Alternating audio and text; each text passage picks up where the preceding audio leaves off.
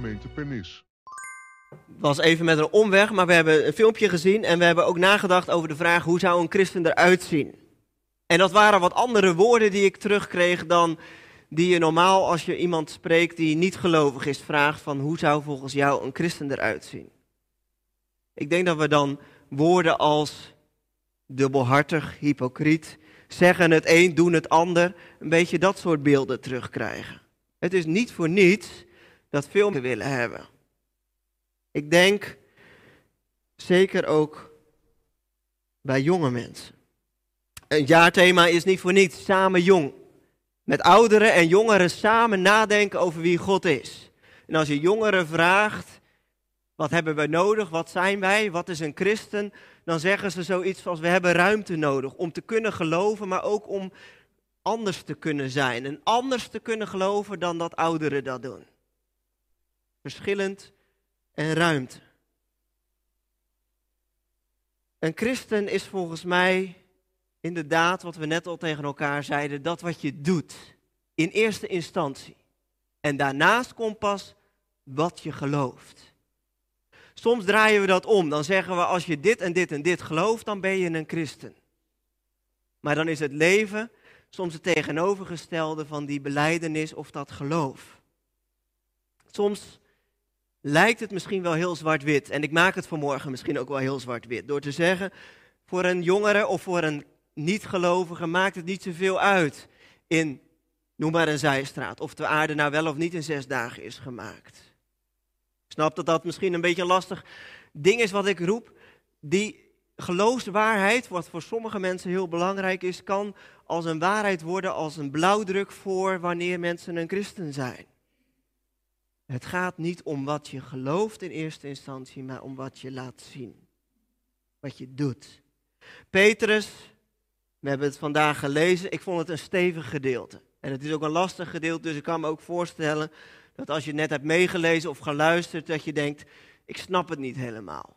Ik ga vanmorgen proberen een paar dingen uit te halen. Petrus die bekend staat als de actieve gelovige, als degene die achter Jezus aanging die eerder met zijn zwaard klaar stond dan met zijn gedachten. Die eerder wat zei dan dat hij nadacht.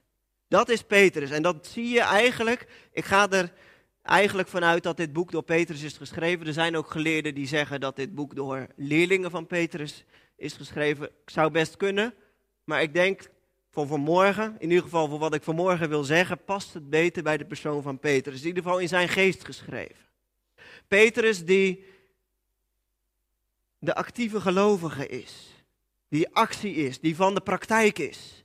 Net als Jacobus, de broer van Jezus. Eigenlijk zeggen zij, je moet het laten zien. Als je christen bent, gaat het dus om dat andere mensen, zoals vers 12 dat zegt, leidt te midden van de heidenen, de ongelovigen, een goed leven, opdat zij die u nu voor misdadigers uitmaken, dat was in die tijd, door uw goede daden tot inzicht komen en God eer bewijzen op de dag waarop hij terugkomt, of dat hij recht spreekt. Het gaat er dus om dat wij als eerste laten zien dat we christen zijn. Dat we het uitdragen in wie we zijn. En Petrus pakt daar, en ik pak er vanmorgen met hem, een thema bij die ook in deze tijd ingewikkeld is. Hij zegt, je laat zien aan anderen die ongelovig zijn in hoe je omgaat met gezag. Hij doet dat in drie delen. En vanmorgen hebben we de eerste twee gelezen. En het derde deel staat in het volgende hoofdstuk. Heb ik vanmorgen niet gelezen omdat die nog ingewikkelder is. De eerste is, hoe ga je om met de overheid? Zeg ik straks wat over. Hoe ga je om met je baas, slavenhandelaar? En de derde is, hoe ga je om met je echtgenoot? Zeker in een hiërarchische maatschappij vanaf die tijd was natuurlijk de man het hoofd van het gezin. Inmiddels hè, zijn we daarin ook wat anders. Dus daarom laat ik die wat morgen liggen. Niet omdat die te ingewikkeld is, maar omdat ik dan te veel moet uitleggen in hoe wij dat in deze tijd lezen. We hebben het dus alleen over hoe ga je om met de overheid en hoe ga je om met je baas. Slavenhandelaar. Ik hoop niet dat je baas een slavenhandelaar is trouwens zou wel eens kunnen, maar het gaat erom vooral hoe ga je om met mensen die boven je gesteld zijn. Ik heb iets tegen mensen die boetes schrijven voor fout parkeren. Iemand die boven mij gesteld is, zou je kunnen zeggen. als ik die mensen zie, dan heb ik zoiets van, nou ja, ik zou bijna zeggen, ga boeven vangen. Omdat ik merk dat dat me irriteert. Ook al, en heel eerlijk, ik hoop niet dat ze kijken, parkeer ik wel eens en dan denk ik, oh, ik ben vijf minuten in de winkel. Waarom zou ik nu parkeren? Met het risico dat ik dan natuurlijk eh, een bon krijg. En dan zou ik me weer enorm irriteren aan zo iemand. Ja. En dat geldt denk ik voor ieder op zijn eigen manier. Ik zat te kijken naar Prinsjesdag en ik dacht, moeten wij, moet het op die manier, hè? Je, en ik snap dat die ingewikkeld is. Als ik zie hoe er mensen langs de kant van de weg staan, en ook wel christenen, en staan te roepen naar Willem-Alexander of naar Rutte, van ja, jullie zijn landverraders. Wow. Omgaan met de overheid, ze eren en ontzag hebben. Zichtbaar christen zijn is volgens mij leren omgaan met het gezag dat er mensen zijn die dingen over ons te zeggen hebben. En in onze tijd hebben wij dat zo verplaatst dat we eigenlijk niemand meer boven ons willen, zelfs God niet. In de gemeente zien we dat, daarbuiten zien we dat en we zien dat in heel Europa en daarbuiten. Maar eh, verkiezingen binnen Amerika, die er nu gaande zijn voor de midterms, het gaat daar over één ding. Ben je voor of tegen? Het gaat niet om hoe gaan wij samen bouwen aan ons land, maar het gaat over die twee dingen. Ben je er voor of ben je er tegen? Toen ik een tijd terug in het klooster iemand sprak die uit Amerika kwam en ik vroeg hem, hoe werkt dat in de politiek bij Hij zei, je kiest, je kiest dat waar je niet tegen bent. Om te voorkomen dat het nog erger wordt. En voor de ene is dat Biden en voor de andere is dat Trump. Of nog wat ergers. In Nederland zie je dat eigenlijk steeds meer opkomen. Je ziet protestpartijen als Forum, PVV. Ik noem ze bij naam, omdat ik ze extreem vind. En omdat ik vind dat het daar het gezegd moet worden. En niet om je daarin te zeggen dat het niet mag. Maar ik denk, wil je wel aan het, aan het nadenken zetten. Laat ik het zo zeggen. Ik merk dat daarin iets zit van het tegen alles zijn. Of het nou dit is, of dat het nou dat is. Tegen gezag zijn. En als ik Petrus en als ik de Bijbel goed lees, is dat wat, waar de kriebel zit voor mij. Ook bij dit soort partijen, waar, waar wantrouwen en boosheid regeren, ontstaat een voedingsbodem voor kwaad en veroordeling. En dan denk je, Petrus kan makkelijk praten, hij had vast een fijne keizer waar hij het over had. Weet je wie de keizer was? Nero. Weet je wat Nero deed? Die pakte de christenen, nam ze mee, als hij een groot feest vierde, stak hij ze op een staak, stak hij ze aan als fakkel om het feest licht te geven. En als Petrus bij, bij Nero zegt, je moet hem eren, wat moeten wij dan met onze mensen die leiding geven? Doen ze alles goed? Dat is natuurlijk gelijk de volgende vraag. Deed Nero alles goed? Nou, denk het niet, hè? Maar het gaat niet om het principe of ze het goed doen. Bij onze overheid, als je de Bijlmer documentaire hebt gezien, als je de toeslagenaffaire ziet, als je ziet wat er met de boeren gebeurt, het is om te huilen. Absoluut. En dat doet ook onze overheid.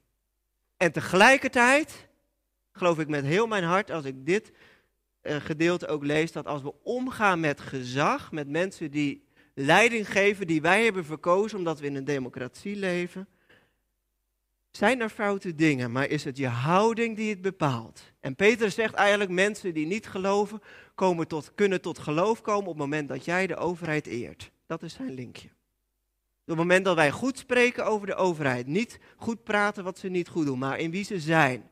En daarvoor opkomen, en daarvoor bidden misschien wel, misschien wel meer moeten bidden dan we nu doen, is dat de basis van het goed leven te midden van de ongelovigen. En op het moment dat we als christen, en ik merk dat ik het ook doe, maar ik denk als we als christen tegen anderen zeggen, die overheid, ach, dat zijn maar een stelletje bedriegers, dat, die hebben een complot gesmeed met elkaar, dan gaan we volgens mij de richting op waarin we meer polariseren en waarin we bijdragen aan een houding van boosheid. Tweede punt is van de slaven. Je kunt een baas hebben en ik heb hem gehad. Uh, ik had een baas die hield de, zijn personeel in de gaten met camera's, waarvan ik er één was. Camera's hingen boven en beneden en overal. En nog wat werd er gekeken van, doet hij het wel goed? Komt hij wel op tijd? En dan niet gewoon op tijd, maar is hij niet, is hij wel, doet hij wel genoeg? Alles en nog wat werd, werd, werd vastgezet. Ik ben daar weggegaan, onder andere om deze reden. En ik merk soms bij mezelf dat ik nog wel eens de neiging heb, ik bel de krant of zo, om te vertellen hoe het daar gaat. Doe het niet. Omdat ik geloof dat ze wisten dat ik christen was. En daarin zijn dingen fout, ook dingen die daar gebeurden. Maar weet ik dat zij ook over mij gesteld waren als baas, als leider en misschien wel bijna slavendrijver. Want Petrus zegt, als je een slaaf bent, dan moet je niet alleen eh, respect hebben voor de slavendrijvers die het goed doen, die het goede met je voor hebben, maar ook met de mensen die het kwade met je voor hebben.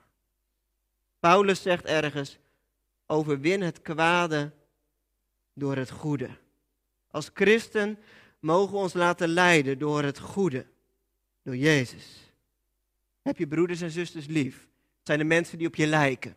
Soms zijn ze ook heel verschillend, maar de mensen die dichtbij je staan, de gemeente. Respecteer God, hou van God. Respect voor de keizer.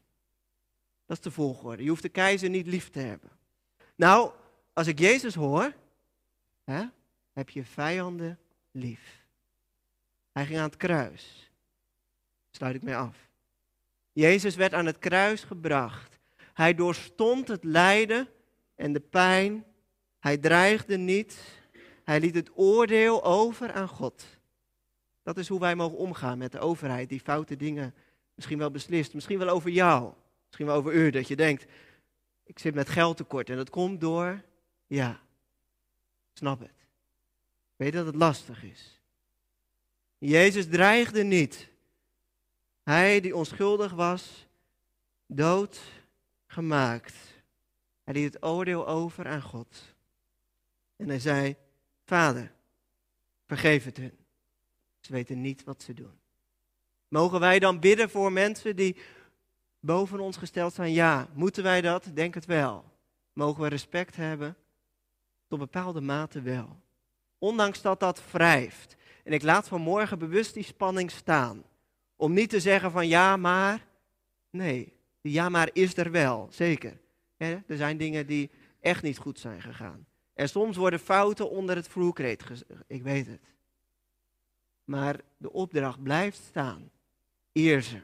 Heb respect voor ze. En denk eens na wat je laat zien aan de mensen die niet gelovig zijn. Want Jezus deed het ons voor. De Vader geeft en wij geven door. Amen.